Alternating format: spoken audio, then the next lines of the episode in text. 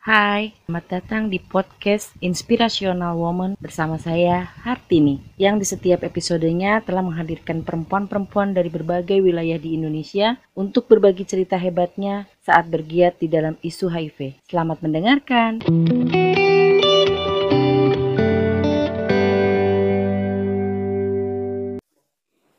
Halo Rina, selamat malam. Selamat malam Mbak Tini. Apa kabar nih? Alhamdulillah sehat, baik. Tini apa kabar? Alhamdulillah. Ini lagi di Jakarta atau lagi ada di luar kota? Lagi di rumah. Nice, di rumah ya, lagi sama keluarga. Iya. Uh, silahkan Rina perkenalan, memperkenalkan diri, habis itu dilanjutkan cerita sejak kapan sih Rina aktif di isu HIV. Silahkan Rina. Oke. Okay. Uh, gue Rina, umur 32 tahun, tinggal di Jakarta Pusat. Aktif di isu HIV itu tahun 2015-an. Tahu status tahun 2012 pas anak uh, sakit ternyata difonis sama dokter katanya HIV tapi karena karena gue nggak ngerasa gue bukan anak nakal, gue bukan pekerja seks, gue bukan pengguna narkoba gitu, dan gue nggak percaya akan hal itu gitu. Dan akhirnya eh, gue masa bodoh, gue nggak mau nggak mau tes, nggak mau apa pun itu, sampai akhirnya anak meninggal. Dan di situ belum tahu HIV itu apa, HIV itu tertularnya gimana gitu. Itu belum tahu sama sekali masih masih kurang banget informasi tentang itulah gitu. Dan akhirnya anak yang pertama meninggal uh, di usia lima bulan hamil lagi keguguran di usia tiga bulan. Terus selang berapa bulan hamil lagi anak ketiga. Lahir sehat sampai usia 8 bulan. Di masuk usia 9 bulan anak yang ketiga pun ikut-ikutan ikut sakit juga batuk, pilek, buang-buang air awalnya kayak gitu. Sampai akhirnya itu waktu anak yang ketiga sakit, gue pas tinggal di Kalimantan, Samarinda. Akhirnya sempat dirawat 20 hari di rumah sakit, tapi dokter di sana nggak ada bilang kalau anak gue yang ketiga itu HIV gitu atau TB gitu. Nggak ada ngomong soal itu dan balik lagi gue sama sekali belum tahu uh, eh, HIV itu apa, tertularnya gimana gitu. Akhirnya uh, nyokap gue datang ke Samarinda anak gue dibawa balik ke Jakarta. Satu tahun dua bulan anak gue meninggal di Jakarta. Dan dokter di Jakarta yang baru menyatakan kalau anak gue pun sakit gitu. Tapi kalau yang ketiga ini lebih ke sakit TB sampai akhirnya ya udah gue balik ke Jakarta dan gak balik lagi ke Kalimantan. Gue stay akhirnya di Jakarta. Rina kehilangan tiga orang anak. Ya. Tiga orang anak itu berarti dua yang memang lahir, yang satu yeah. keguguran. Iya. Yeah. Gimana perasaan Rina saat itu? Uh, perasaannya ya hancur sehancur-hancurnya sih sebenarnya. Ngerasa tuh kayak kok Tuhan nggak adil ya. Kenapa sih mesti gue terus? Kenapa sih mesti anak gue terus gitu kan? Karena memang satu ketidaktahuan itu dia balik lagi ketidaktahuan tentang HIV itu apa. Jadi ngerasanya kok Tuhan nggak sayang ya sama gue gitu? Kok kenapa sih mesti anak gue terus yang diambil gitu? Itu sih. Dan waktu Rina kehilangan anak yang ketiga itu di tahun 2000 2013an oh berarti setelah kehilangan anak yang ketiga Rina baru melakukan pengobatan? Enggak itu justru malah pas hamil uh, anak yang keempat. Masih di tahun 2013 Rina hamil lagi Iya, itu jadi eh, pas nggak lama anak meninggal, kalau nggak salah selang tiga bulan, entah karena subur atau apa pun itulah ya. Karena jadi jarak hamilnya tuh cepet banget memang gitu, alhamdulillahnya. Sampai anak yang ketiga meninggal itu jelang eh, itu kalau nggak salah habis 40 hari, selang tiga bulan lah kurang lebih. Hamil lagi gitu, hamil lagi anak yang keempat. Nah pas usia kandungan dua bulan, barulah akhirnya running obat minum ARV. Saat itu memutuskan untuk ARV karena memang kehamilan atau memang keinginan Rina yang memang gue nggak mau nih kehilangan anak lagi gitu? Itu karena jadi ada pendamping dari Karisma, Ibu Ratu. Jadi dia yang selalu setiap hari datang terus nemuin gitu kan, selalu ngasih support yang, eee, "Lu mau emang anak lu meninggal lagi? Emang lu mau kehilangan anak lu lagi?"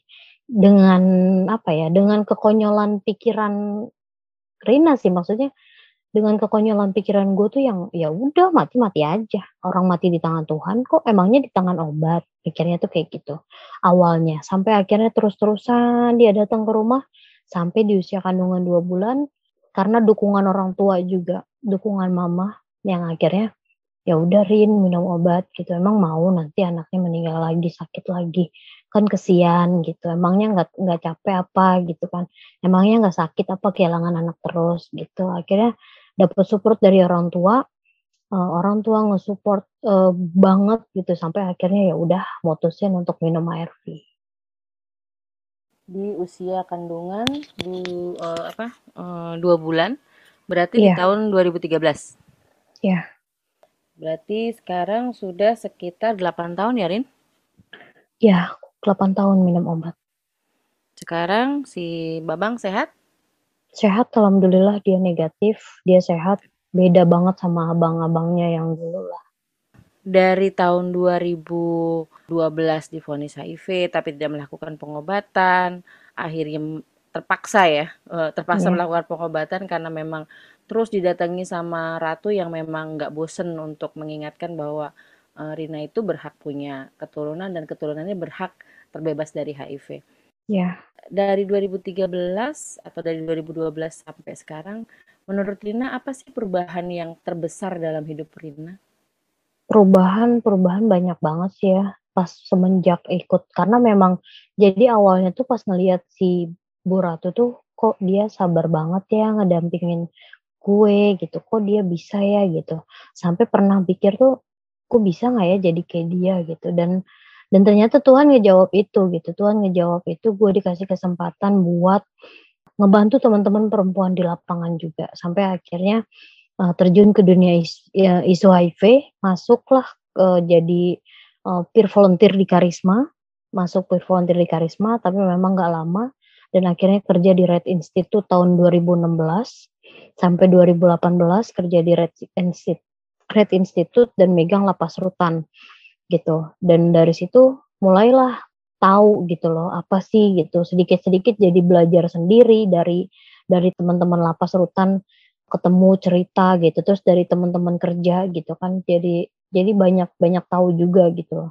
Terus dari Red Institute itu kerja di Yayasan Anak dan Perempuan, megang teman-teman PS gitu kan, teman-teman PSP. Akhirnya lebih banyak dapat cerita lagi gitu kan dari teman-teman, eee, di lapangan ternyata gitu, sampai akhirnya gabung di IPI, ngedampingin teman-teman perempuan hamil dari Emak Klub. Dan itu banyak banget sih perubahannya, jadi yang tadinya nggak tahu gitu, puskesmas tuh gimana, orang-orangnya gimana, sampai akhirnya dikenal sama banyak dokter, terus kenal sama orang Kementerian Kesehatan, Dinas Kesehatan, kayak gitu-gitu. Eee, banyak banget sih perubahannya. Yang dulu cuman sebatas ibu rumah tangga ya, Rin, ya. Iya, Sekarang betul. akhirnya bisa berguna buat teman-teman yang lain, se seperti mimpinya Rina, saat itu Iya. pengen jadi seorang kayak si ratu gitu ya. Iya. Oke, tadi sempet bilang Rina ada di lapas rutan. Jadi per perjuangannya ini banget ya, maksudnya udah di lapas rutan, terus tadi mendampingi pekerja seks perempuan. Eee, kalau boleh tahu kalau di lapas rutan, apa yang Rina lakukan di lapas rutan? Kalau di lapas rutan itu, jadi kita kerja di dalam itu di klinik, jadi ketemu sama teman-teman yang, eee, TB HIV gitu, karena memang dulu Institute itu bekerja di bidang TB HIV. Jadi ngedampingin teman-teman lapas rutan sampai dia bebas. Jadi kalau misalkan di dalam itu, ya kita, eee, ketemu, terus KDS di dalam lapas rutan setiap bulan gitu kan. Terus nanti kalau misalkan ada yang pasien baru, kita ketemu, ajak ngobrol gitu. Terus nanti sama teman-teman yang lama pun kayak gitu gitu, ngedenger cerita-cerita dari mereka yang, "Gue pas tahu status gue ditinggal sama istri gue, gue pas tahu status," gitu. Jadi banyak banget cerita dari situ. Terus udah gitu nemenin teman-teman lapas rutan juga sampai ke sampai dia bebas gitu. Jadi kerjanya kita tuh pas di luar mereka bebas itu, eee, nyariin uh, rumah sakit atau puskesmas terdekat di alamat domisili mereka gitu. Jadi biar mereka tetap nggak putus obat dan kita bisa mantau uh, mereka beberapa bulan setelah mereka keluar dari uh, lapas rutan. Wah keren, keren banget ya Rina ya. Maksudnya apa yang dilakuin uh, Rina cukup uh, ini banget di lapas rutan terus akhirnya berpindah ke PSP pekerja seks perempuan. Nah cerita sedikit dong Mak Klub itu apa Rina? Mak Klub itu waktu pertama kali gabung di Mak Klub itu sebenarnya bukan di pendampingan dari IP-nya langsung sih sebenarnya. Kemarin tuh tahun 2016 dipercaya sama Kementerian Kesehatan gitu. Walaupun tetap membawa nama IP gitu. Kita dari IP ngedampingin teman-teman perempuan dan dapat pasiennya pun dari puskesmas. Jadi kita nggak nyari. 2019 mungkin Rin? 2000 2019 ya? Iya 2019 karena emak klub 2018 baru mulai. Oh enggak. Yang dari yang dari kementerian tuh 2000 2000 sebelum itu. Yang sama Winda iya dulu. Yang sama Hesti apa segala macam gitu. Oh Jadi itu 2019 sayang. Oh baru-baru mulainya 2019 ya. Nah, itu tapi pertama kali dapat pasien itu pas dari kementerian. Nah, itu dari puskesmasnya langsung dapatnya. Jadi ngedampingin teman-teman perempuan positif yang memang hamil dan uh, mau didampingin gitu. Tapi memang ya banyak banget sih, nggak ada nggak nggak sekarang aja dari dulu juga. Maksudnya mereka yang masih nggak uh, terlalu percaya sama orang yang baru dikenal ya untuk didampingin uh, sama teman-teman di lapangan gitu. Dan itu pendampingannya cukup lama ya Rin ya, sampai si bayinya tes EID-nya negatif. Iya, kita jadi ngedampingin dari dia. Kadang ada yang manja banget gitu ya kan, kita mau musinya didampingin terus setiap bulan mintanya ditemenin, setiap kontrol ditemenin, setiap ke, ke rumah sakit mintanya ditemenin gitu kan, sampai anaknya pengecekan EID, ngambil obat profilaksis, itu mintanya ditemenin. Ada yang kayak gitu. Termasuk gue nih, gue juga uh, dampingannya Rina yang uh, saat itu benar-benar kondisinya pre-eklamsia. Itu karena pendampingan dari emak klub. Tadi kan perubahannya Rin, Terus yeah. Iya. uh, kalau kekuatan terbesar di Rina itu sampai Rina berdiri sekarang nih, sekarang nih Rina lagi dikenal uh, udah, udah tadi Rina cerita sudah dikenal banyak orang ya. Bahkan sudah kenal banyak dokter, mampu mengadvokasi layanan yang tadinya tidak bisa menjadi bisa gitu. Yeah. Kekuatan sumber kekuatan terbesarnya dari mana sih, Rin? Sumber kekuatan paling utama sih sebenarnya satu anak, kedua orang tua, ketiga teman-teman perempuan di lapangan. Kenapa dari teman-teman perempuan? Kalau kalau misalnya orang tua dan anak itu sudah pasti ya kalau Rina harus harus ada buat mereka gitu. Kenapa yeah. menurut Rina kekuatan terbesar di depan teman-teman perempuan di lapangan? Karena masih banyak teman-teman perempuan yang gini karena memang awalnya Rina ngerasain dari yang apa ya? Dari yang uh, gue nggak mau minum obat gitu kan karena keegoisan orang tua gitu kan karena keegoisan gue yang akhirnya ngebikin anakku nggak ada. Terus udah gitu kayak mereka kan nggak semua mereka bisa open status sama keluarganya. Sementara sementara gue alhamdulillahnya orang tua gue dengan sampai sekarang dia masih terbuka lebar tangannya gitu kan. Masih mau menampung anaknya yang sakit uh, eh, HIV gitu loh. Karena belum tentu semua perempuan itu yang di luar sana yang yang gue temuin ya gitu kan.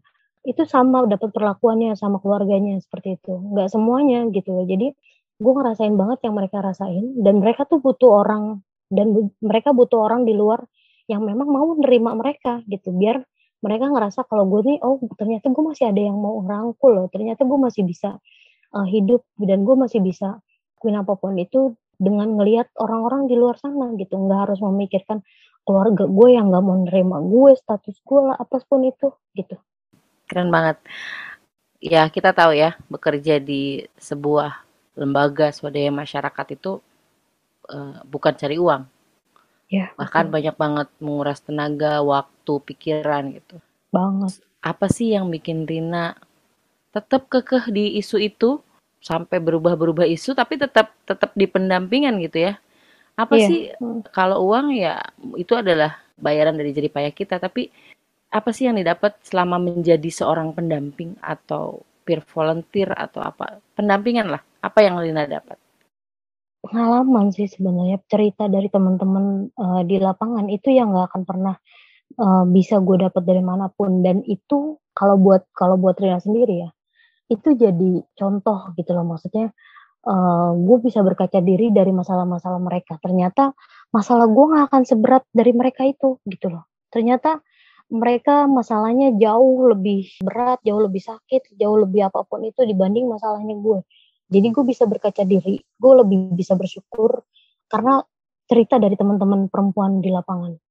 Dan gue gak akan pernah dapetin itu, apa pun itu gue akan pernah dapetin itu kalau mereka nggak percaya gitu. Tujuannya intinya intinya intinya mereka percaya karena mereka mau bercerita. Jadi akhirnya gue juga bisa ngebuka uh, mata gue kalau ternyata masih ada perempuan yang jauh lebih ngerasain sakit dibanding yang gue rasain. Luar biasa Rina karena pernah merasakan di posisi yang sama, tapi akhirnya menjadi Rina lebih bersyukur ya atas kehidupan yang Rina punya. Ternyata masih banyak sekali orang yang tidak seberuntung kita. Iya. Rin, kalau dari pendampingan itu apalagi ibu hamil ya. Sekarang ibu hamil kan banyaknya dites tuh, dites HIV. Iya. Ada cerita unik nggak sih selain uh, maksudnya terkait cerita bahwa si ibunya dites HIV terus hasilnya HIV terus dia open status ke suaminya ada cerita unik nggak yang bisa diceritain? Pernah. Jadi uh, 2000 ya 2019-2020 kemarin itu ngedampingin pasien dari Lampung. Jadi dia di sini benar-benar nggak punya saudara. Jadi awalnya dapat itu dari Chani karena si pasien ternyata nyari-nyari di Google dan dia dapat nomornya Chani karena Chani hamil jadi nggak bisa didampingin. Akhirnya di, di refer lah di itu dikasih ke Rina untuk ngedampingin si pasien gitu. Dan uniknya dapat cerita dari dia ketemu sama pasien itu di usia di usia kehamilan udah tujuh bulan. Sebentar lagi mau lahiran belum ARV dan dia tahu status itu di Jakarta. Dia tes di Lampung katanya dia nggak ada di tes apa segala sama sekali. Dia dia periksa dia periksa di Fahira katanya di Fahira Lampung. Katanya di di klinik sana tuh nggak ada tes tes Barina gitu. Pas aku ke Jakarta aku kontrol katanya kan aku disuruh tes VCT kata dia. Tes HIV gitu. Terus akhirnya tes lah di Prodia. Ternyata pas dites di Prodia dia positif HIV gitu. Sampai akhirnya dia nyari-nyari di Google dapatlah nomornya Chani uh, dikasih ke Rina akhirnya kita ketemuan. Ketemuan sama dia dia sampai nangis-nangis ngomongin ya kan aku di sini. Posisinya perempuan itu istri kedua di nikah sirih. Keluarga lakinya nggak ada yang tahu kalau ternyata eh keluarga si lakinya orang tuanya tahu kalau dia nikah lagi. Keluarga perempuannya pun tahu kalau dia istri kedua si suaminya punya istri gitu ya kan. Pokoknya wow kalau buat rumit rumit sebenarnya masalahnya. Dia tuh dan dan unik gitu kan. Akhirnya di usia kandungan 8 bulan akhirnya dia kejar-kejaran untuk ngurus BPJS, running ARV gitu kan, ngurusin BPJS anaknya gitu loh. Tapi awalnya ngobrol-ngobrol-ngobrol-ngobrol gitu. Kenapa sih bisa? Akhirnya Rena open status, gue juga sama, gue HIV positif tahun segini sampai sekarang dan gue punya anak negatif, suami gue negatif. Gitu dan akhirnya dia beraniin diri dengan jangka waktu belum satu bulan dia minum obat, dia udah beraniin diri untuk memutuskan ngasih tahu suaminya kalau dia HIV positif. Walaupun sebenarnya yang not, yang notabene dia cuman istri kedua. Iya, walaupun sebenarnya banyak banget konsekuensinya gitu ya kan. Dia ditinggalin, dia nggak dikasih uang apa segala macam apa pun itu, dia udah nggak memikirkan itu gitu. Uh, Rina bilang sama dia nanti di rumah sakit gue hanya bisa ngedampingin tapi gue nggak bisa tanda tangan karena gue nggak kuat gitu loh. Gue hanya sebagai pendamping gue akan ngedampingin lo sampai kapan pun itu tapi gue nggak bisa tanda tangan di rumah sakit. Gue nggak mau itu karena apa pun bisa kejadian nanti pas lo melahirkan gitu kan. Entah lo atau anak lo akan kejadian apa gue yang yang kita nggak tahu gitu dan harus ada suami lo minimal suami lah karena dia nggak punya siapa-siapa di Jakarta. Jadi suami lo tuh harus tahu. Dengan akhirnya dia mutusin untuk ngasih tahu suaminya dan akhirnya suaminya minta Mbak Rina suami aku mau ketemu sama Mbak Rina boleh? Dan akhirnya kita ketemu. Dan mau gak mau balik lagi gue harus open status di orang yang baru gue kenal. Gue open status lah sama suaminya dan akhirnya suaminya nanya tapi anak Mbak Rina sehat sehat anak aku sehat.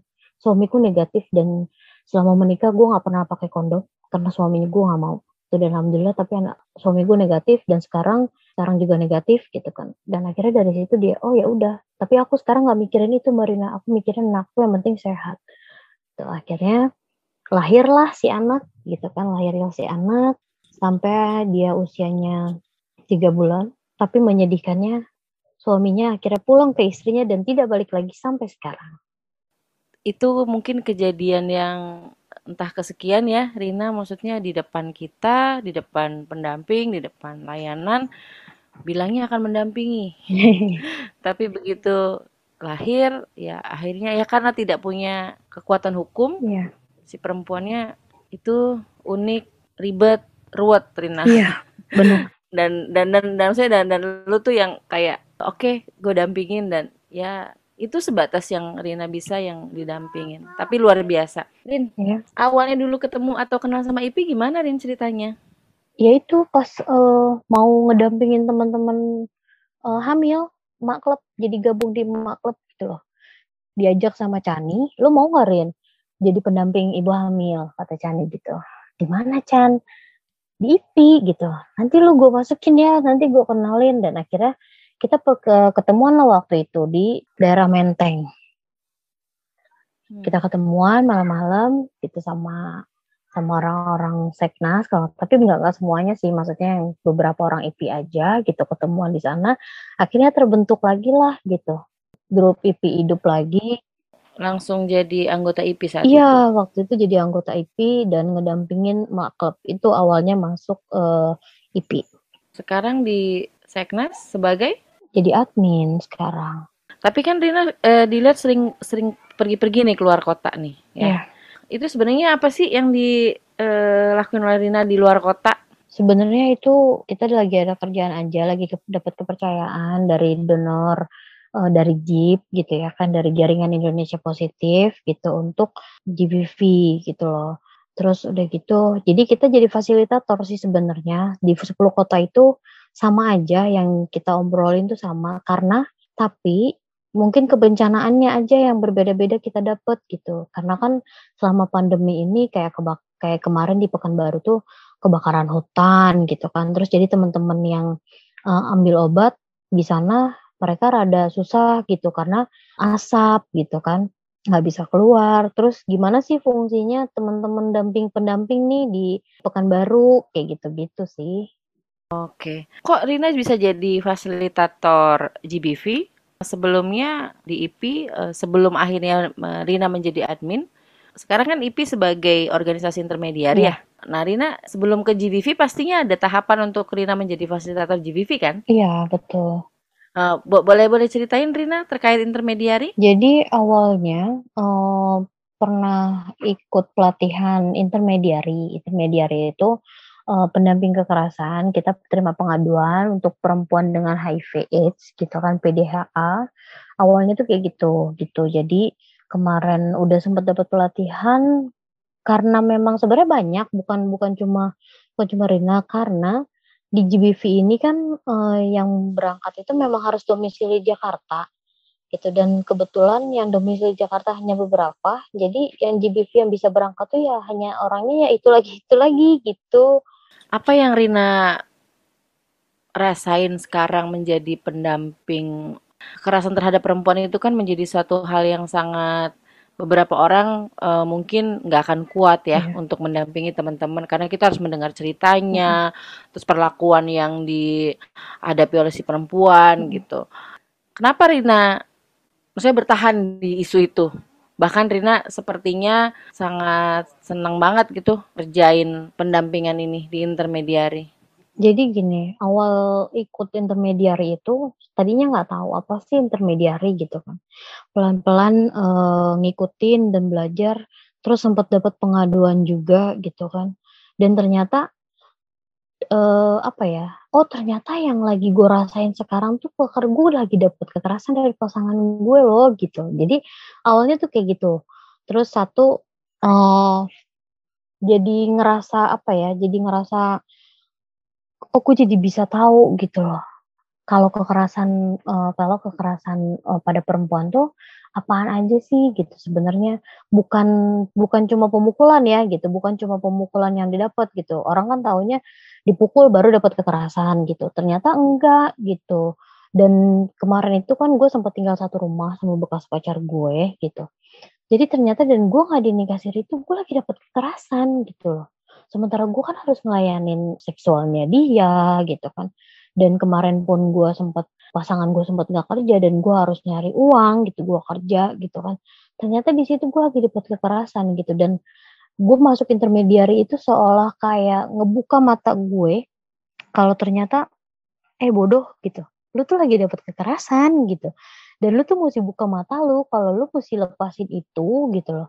E, gimana caranya lu nggak harus stuck diem di situ aja gitu. Gimana caranya lu bisa berubah keluar dari zona itu gitu.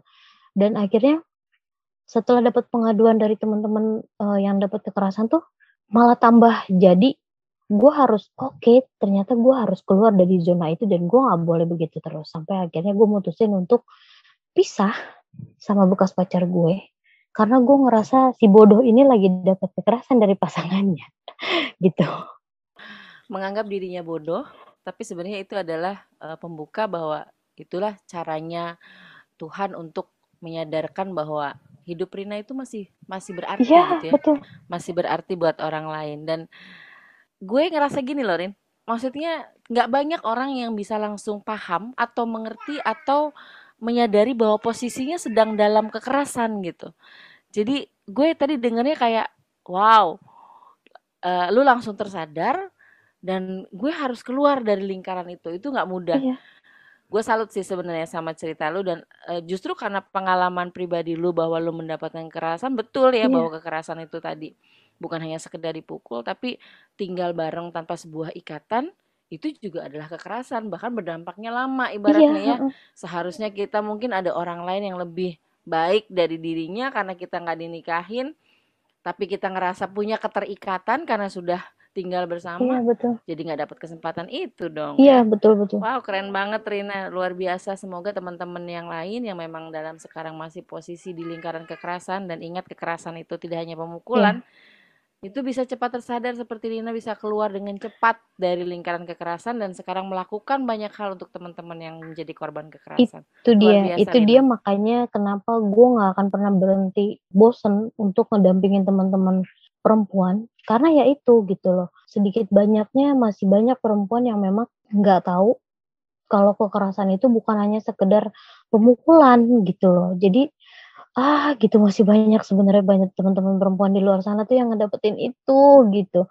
Makanya kenapa kerjaan atau PR teman-teman pendamping tuh banyak banget sebenarnya Oke, semoga Rina diberikan kesehatan terus ya. Amin, dan tetap semangat seterusnya supaya bisa ter makin banyak teman-teman yang didampingi. Amin, amin. Rina, ini mungkin uh, pertanyaan-pertanyaan uh, terakhir sih, pertanyaan penutup. Gue mau Rina nyebutin ini dong atau sampaikan ke teman-teman yang saat ini masih di dalam lingkaran kekerasan. Apa pesan Rina buat mereka? Semoga uh, itu bisa membuat mereka atau misalnya teman-teman yang masih mendapatkan kekerasan hingga saat ini itu harus gimana, harus ngapain dan silahkan pesannya seperti apa? Oke, okay. kalau pesannya sih kayaknya apa yang gue rasain aja kali ya. Jadi kalau gue awal yang gue lakuin itu selesaiin dulu masalah yang ada dalam diri lo sampai akhirnya lo bisa nyelesain masalah orang lain kalau masalah lu udah selesai, otomatis lu bisa banyak ngebantu teman-teman perempuan di luar sana. Dan itu yang gue lakuin kemarin, gue selesaiin dulu masalah gue, sampai akhirnya gue bisa ngebantu teman-teman perempuan di luar. E, gimana caranya lo bisa nggak ada di lingkaran itu? Ya lo harus nengok ke belakang. Silakan lo tengok ke belakang masalah lo, lo tengok ke belakang kehidupan lo, nggak apa-apa gitu. Untuk bisa lo lebih maju lagi ke depan.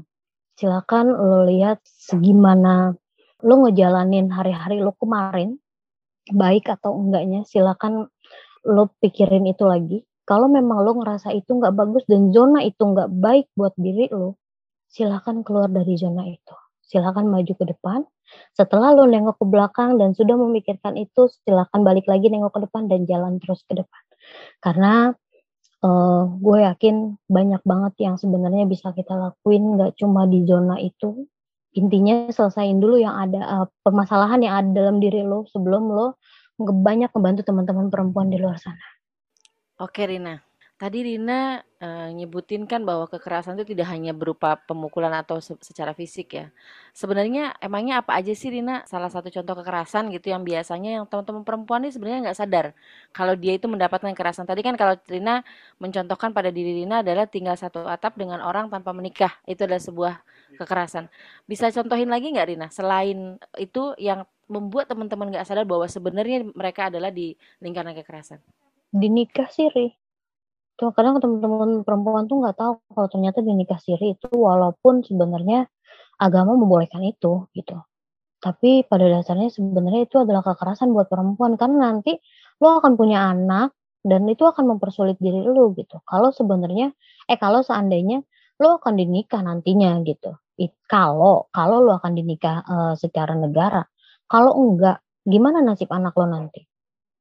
Oke, nikah siri. Memang banyak banget ya Rina sekarang kasusnya nikah siri. Iya, betul. Nikah siri uh, atau ya kalau kalau nikah atau kalau kalau kawin kontrak itu ada ada ada bayaran ya Rina iya, ya. Betul. Tapi kalau nikah kalau siri itu tanggung jawabnya sama, bebannya iya. sama, iya. tapi dia tidak akan mendapatkan hak yang sama seperti istri. Iya. Pada umumnya yang memang secara nega, uh, hukum maupun uh, hukum agama maupun negara. Iya. Oke Rina, pesannya apa dong Rina lagi buat teman-teman yang saat ini sudah tahu status HIV-nya? Hmm. Uh, kan sekarang banyak banget ya teman-teman yang akhirnya memutuskan tidak meminum ARV atau tidak memulai terapi ARV karena mereka kebingungan untuk menjelaskan status HIV-nya kepada pasangan. Pesannya apa nih, Rin? Pesannya berteman sama teman-teman yang bukan toksik. Jadi itulah yang gue lakuin sekarang. Dulu gue pernah putus obat satu tahun karena suami gue tidak suka. Karena suami gue nggak tahu dan suami gue benci banget perempuan seperti itu. Dan akhirnya Wow, putus obat satu tahun? Ya. Tahun berapa itu? Pas gue kerja di lapas rutan. Satu tahun gak minum ARV? Ya, satu tahun gak minum ARV. Dan sampai teman gue tuh bingung, kalau bisa ya satu tahun lu gak minum ARV dan lu masih sehat sampai sekarang. Dan jawabanku cuma satu, karena gue bukan perempuan nakal bang. Karena gue tertular, gue bukan perempuan yang memang menjadikan diri gue seperti ini gitu. Dan apa yang akhirnya memutus uh, Rina memutuskan untuk mulai terapi ARV lagi? Apa yang membuat akhirnya Rina kembali ke jalan yang benar? Ya balik lagi ke teman-teman yang memang ditemuin di lapangan. Satu, uh, gue ngelihat banyak orang yang akhirnya meninggal gitu ya kan sakit kena bisa bisa kena TB, Hep C gitu kan apa pun itu penyakit yang lain bisa masuk dan gue mikirnya anak gue masih kecil kalau gue mati sih sama siapa gitu loh itu yang akhirnya uh, gue mikir lagi dan gue akhirnya ya udah oke okay, gue minum obat dan alhamdulillah sampai sekarang gue gak pernah putus-putus lagi. Oke, dilanjut Rin pesennya. Ini kan pernah jadi pengalaman pribadi uh, karena la karena laki lo nggak suka kalau lo minum ARV akhirnya lo memutuskan untuk tidak minum ARV. Nah, pesannya untuk teman-teman sekarang nih yang belum memutuskan untuk minum ARV karena atau tidak minum ARV karena dilarang oleh pasangan. Pesannya sehat itu mahal banget sebenarnya. Ya. Walaupun kematian tuh kapan datang aja bisa, bisa kapan aja datang gitu ya kan bisa kapan aja datang tapi uh, obat ini tuh kebutuhan kayak kita makan. Makan itu kan perlu gitu. Makan itu butuh. Sehari itu tiga kali kita harus makan gitu. Begitupun uh, obat ini gitu loh. Jadi pesannya apa pun yang lo rasain apa pun yang lo dapat sekarang boleh lo bersedih-sedih karena lo tahu status lo HIV positif lo nggak ada penerimaan dari keluarga lo pasangan lo gitu. Tapi lo mesti mikirin lagi uh, diri lo, anak lo, orang tua lo. Suami itu bisa jadi bekas suami, tapi orang tua dan anak itu nggak akan jadi nggak akan ada bekasnya. Jadi lo sehat untuk keluarga lo, untuk anak lo, uh, silakan lakuin apa pun itu yang bisa lo lakuin selagi perlakuan itu nggak nggak toksik di mata lo, di mata orang lain. Ya, Rina, karena ya memang ya hak kesehatan itu ya hak pada diri sendiri ya. ya. orang lain uh, mungkin kalau bisa ditambahkan ya kalau lu kenapa-napa lu mati yang namanya laki bisa cari lagi. Iya betul. Bininya yang baru. Tapi orang tua atau anak nggak mungkin jadi uh, sosok ibunya atau kehilangan sosok ibunya bisa digantikan oleh siapa pun. Iya. Oke Rina. Unt ini kan tadi Rina ada ada pengalaman terkait putus obat nah untuk teman-teman yang sekarang lagi memutuskan untuk putus obat pesan Rina apa? Lebih dilihat lagi sih maksudnya uh, lo jangan di saat lo putus obat lo jangan ngerem diri di rumah. Lo jangan ngebiarin diri lo sendirian di rumah. Silahkan lo keluar. Lihat di luar sana teman-teman yang memutuskan akhirnya untuk putus obat dia sakit-sakitan uh, macam-macam penyakit bisa masuk ke badannya gitu kan terus kondisi badan pun lama-lama drastis menurun gitu. Oke, lu akan sehat satu tahun, dua tahun. Kita nggak akan tahu seterusnya lu akan terus uh, sehat atau enggak. Gitu. Jadi jangan biarin di saat lu di saat lu putus obat lu diam diri di rumah, jangan lakuin itu. Silakan lu ketemu sama teman-teman yang memang bisa lu ajak ngobrol. Minta masukan dari orang-orang yang memang lu percaya. Ceritain apa pun itu yang memang perlu lu ceritain sama orang yang memang lu percaya. Biar lo nggak ngerasa kalau lo tuh sendiri. Dan di luar sana tuh pasti akan banyak orang yang memang mau menampung cerita lo gitu.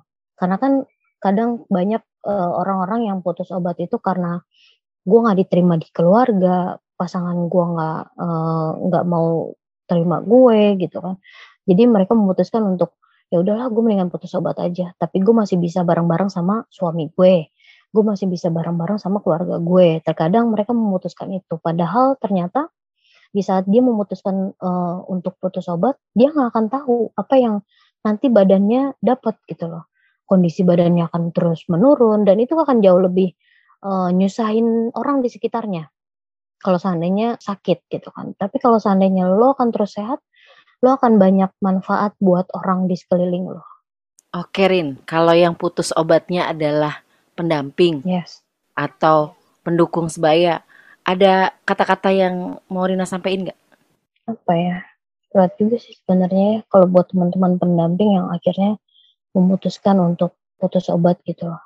Lu jangan pernah sekali-sekali ngasih tahu orang untuk lu terus minum obat di saat diri lu nggak mau minum obat itu gitu loh. Uh, jangan uh, sekali-sekali lu ceramah tentang uh, kegunaan si obat itu kalau lu sendiri memutuskan untuk nggak meminum obat itu lagi gitu dengan alasan apa pun itu walaupun sebenarnya lu tahu gitu lu lu kerja di isu HIV lu jadi pendamping gitu ya kan kalau memang lu punya masalah ya lu bisa selesaikan masalah dulu masalah lu dulu gitu loh setelah itu silakan lu balik lagi gitu loh lu boleh lu boleh berhenti satu atau dua hari silakan gitu walaupun sebenarnya nggak dibolehin gitu. Tapi kan balik lagi obat minum obat itu kan memang pilihan si orang masing-masing gitu ya kan. Kalau memang lu memutuskan untuk putus obat ya ya nggak masalah gitu. Tapi lu coba pikirin lagi deh, lu punya masalah apa, lu selesaikan itu. Kalau memang udah selesai ya silahkan gitu. Pikirin lagi obat itu penting atau enggak buat lu. Jangan cuma bisa teori ya. Yes, betul. Jangan cuma bisa koar-koar. Yes, betul. tapi dianya sendiri nggak yeah. nggak mau minum obat. Oke, Rina ini pertanyaan terakhir uh, dari gue. Apa sih pesan Rina untuk seluruh perempuan yang saat ini hidup dengan HIV? Mungkin ada yang kondisinya lagi baik atau yang tidak baik. Pokoknya untuk seluruh perempuan di uh, Indonesia yang mungkin nanti akan mendengarkan podcast kita, pesannya apa untuk teman-teman perempuan yang hidup dengan HIV, Rina? Pesannya lo jangan pernah ngerasa sendiri karena sebenarnya lo nggak pernah sendiri. Perempuan di luar sana akan jauh lebih banyak yang ngerasain hal yang sama ataupun lebih berat dari yang lo rasain saat ini. Jangan pernah ngerasa, kok gue saat ini susah banget ya. Jangan pernah ngelakuin itu. Jangan pernah mikir, Tuhan nggak baik, eh, Tuhan tuh jahat sama lo gitu. Enggak sebenarnya.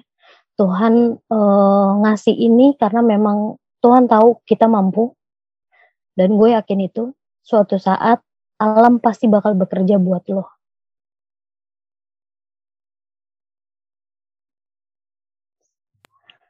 Oke Rina, Terima kasih banyak nih waktunya malam-malam. Aku jadi nah. sedih. uh, kadang menangis itu juga nggak apa nggak apa-apa ya, Rin. Maksudnya, banget, sebenarnya itu butuh banget. Menangis itu ada juga yang menangis karena bahagia saking terharu gitu dan, dan meluangkan waktu untuk menangis keluar dulu dari hiruk pikuk uh, apa yang kita lakuin itu juga menjadi penting. Mungkin atau mungkin ada yang menjadikan menangis adalah me time-nya dia gitu. Iya, betul.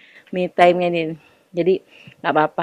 Makasih banyak ya Rina atas waktunya. Sehat terus ini. supaya terus bisa mendampingi teman-teman yang membutuhkan Rina. Amin. Oke, selamat malam Rina. Selamat malam, Terima kasih sudah mendengarkan Inspirational Woman episode kali ini.